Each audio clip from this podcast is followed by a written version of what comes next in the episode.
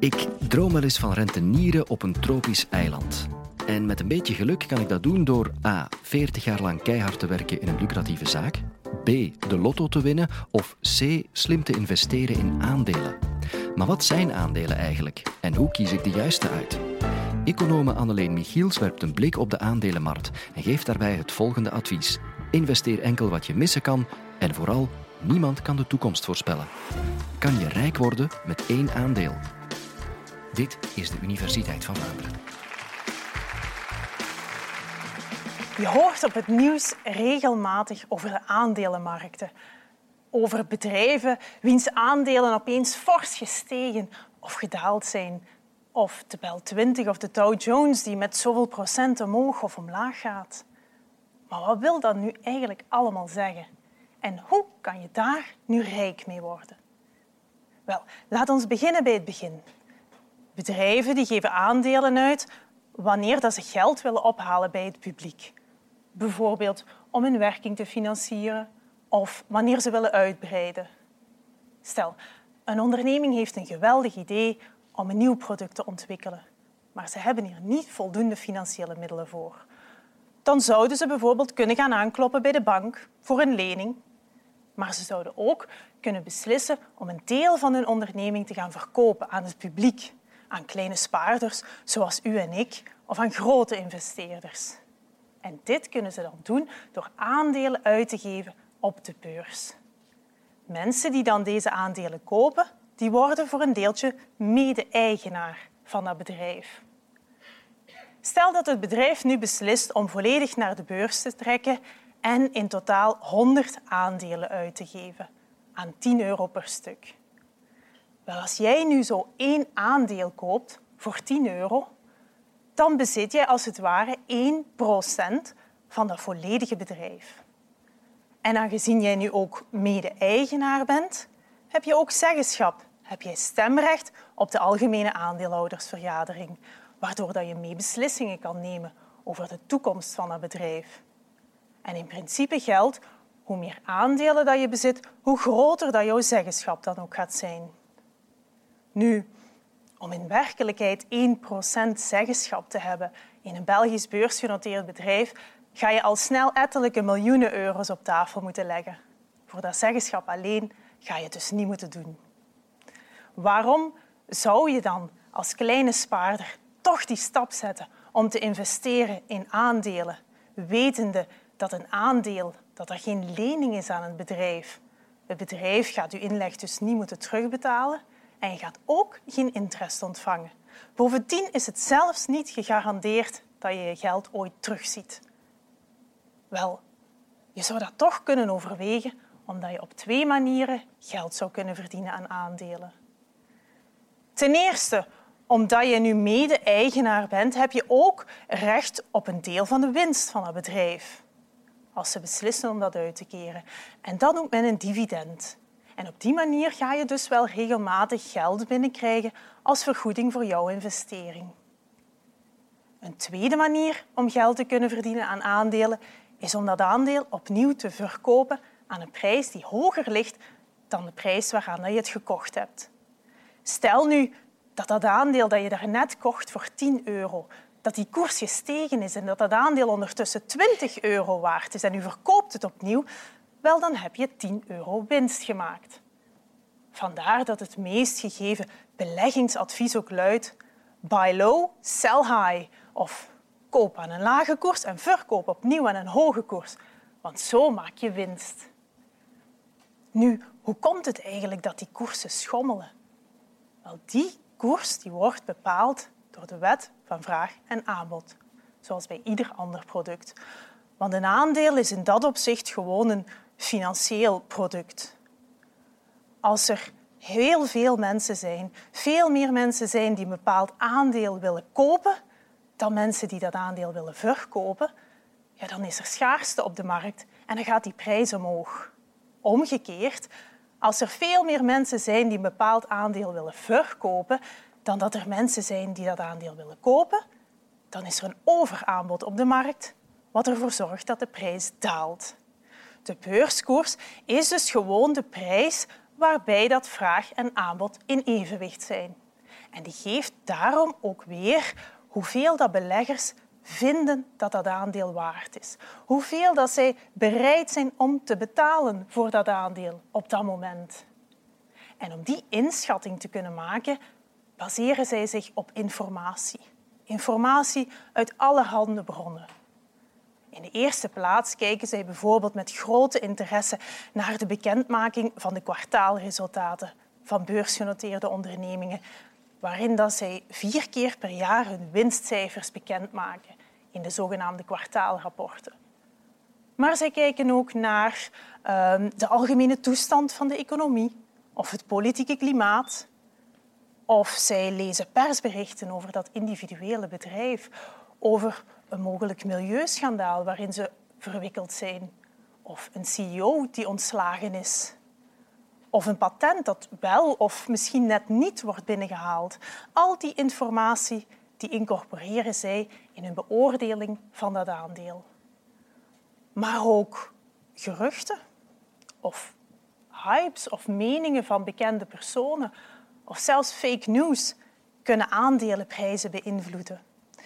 En dit soort informatie circuleert vaak via social media. Dit is Kylie Jenner. Voor de jongeren onder jullie wellicht een bekend gezicht.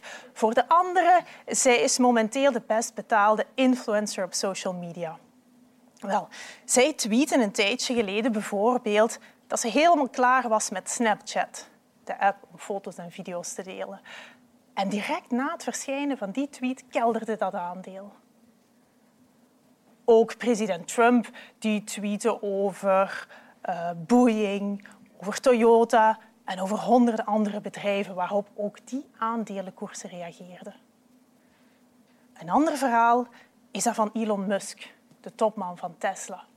Die tweette dat hij zijn bedrijf zou privatiseren.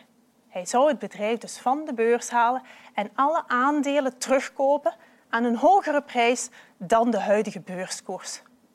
Uiteraard schoot dat aandeel de hoogte in na het verschijnen van die tweet. Want die prijs was veel hoger dan de huidige aandelenkoers. Veel mensen wilden dat aandeel daarom nog snel kopen. Nu, de Amerikaanse beurswaakhond, de SEC, die gaf hem hiervoor een serieuze boete, want dat bericht bleek niet correct te zijn. Bovendien mag hij nu alleen nog tweets versturen nadat hij goedkeuring heeft gekregen van een advocaat. De toezichthouder die treedt zo streng op tegen het verspreiden van dit soort misleidende en koersgevoelige informatie, omdat dit ertoe zou kunnen leiden dat beleggers hun vertrouwen in het hele systeem verliezen. Fake news op de beurzen wordt dus streng aangepakt. Maar dat is niet altijd mogelijk. Een tijd geleden bijvoorbeeld werd het Twitter-account van een groot Amerikaans persagentschap gehackt, waardoor onbekenden een tweet konden versturen waarin stond dat er een aanval werd gepleegd op het White House. Nu, dat bericht werd snel verwijderd en rechtgezet, maar heeft intussen toch gezorgd voor een heel krachtige reactie op de aandelenmarkten. De aandelenprijs die wordt dus beïnvloed door een hele hoop rationele, maar soms ook compleet irrationele elementen, waardoor het moeilijk is om zo'n inschatting te maken van wat die beurskoers nu precies gaat doen. Wat als jij dan iemand kent die informatie heeft van binnenuit een bedrijf? Informatie die niet geweten is door de pers en dus niet door het algemene publiek. Wel, bijvoorbeeld over een aankomende fusie. Of over een schandaal dat in de doofpot wordt gestopt. Of over een CEO die morgen ontslag gaat nemen. Wel, jij zou dan kunnen anticiperen op een mogelijke koerswijziging en nog snel aandelen gaan kopen of verkopen en op die manier veel winst maken. Wel, dat noemen we handelen met voorkennis of insider trading. En dat is illegaal.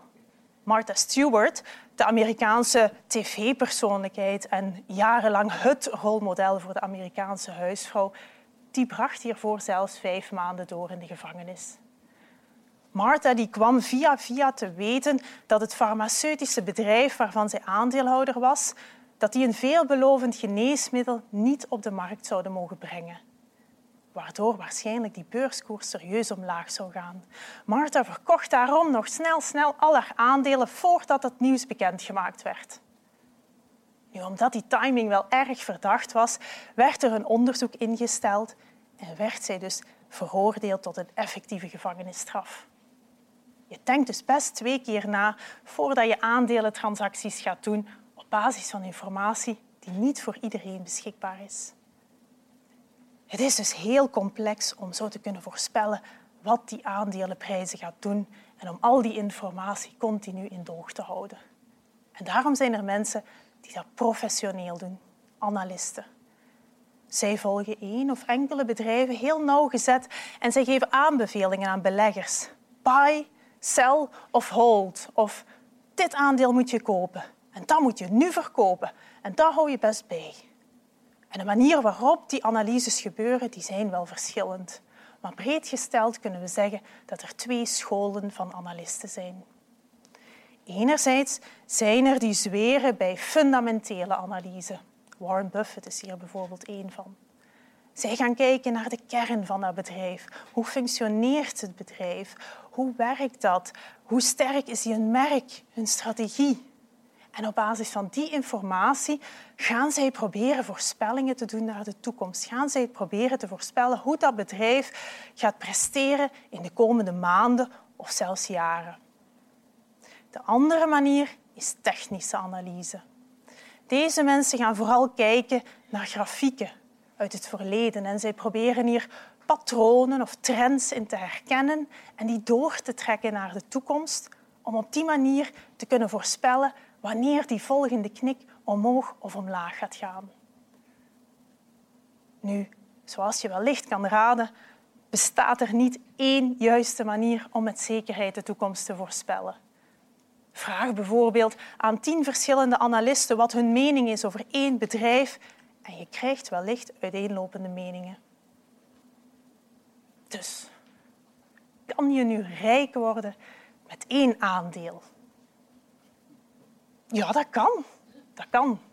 Als je net dat juiste aandeel eruit kiest. Net zoals je ook bij de lotto net die zes juiste cijfers kan kiezen.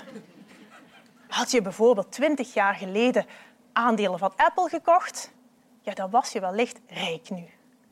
Maar had je op datzelfde moment beslist om aandelen te kopen van een toen zeer veelbelovend technologiebedrijfje genaamd Pets.com, dan was je aandeel nu niks meer waard geweest. Het is dus heel risicovol om te investeren in één enkel aandeel. Maar gelukkig bestaat er op de beurs een mogelijkheid om dat risico te verminderen en je winstkansen te verhogen. Op lange termijn loont het dus zeker de moeite om een deel van je spaargeld te investeren in een goede mix van verschillende aandelen. En ga je er meer aan overhouden dan je geld te parkeren op een spaarrekening. Na het horen van dit college heb ik wel zin om een beredeneerd gokje te wagen eigenlijk. Langs de andere kant is het ook steeds goed om een plan B te hebben. Zoals zelf goud maken als appeltje voor de dorst. Kom er alles over te weten in onze podcast nummer 48. Hoe maak je goud?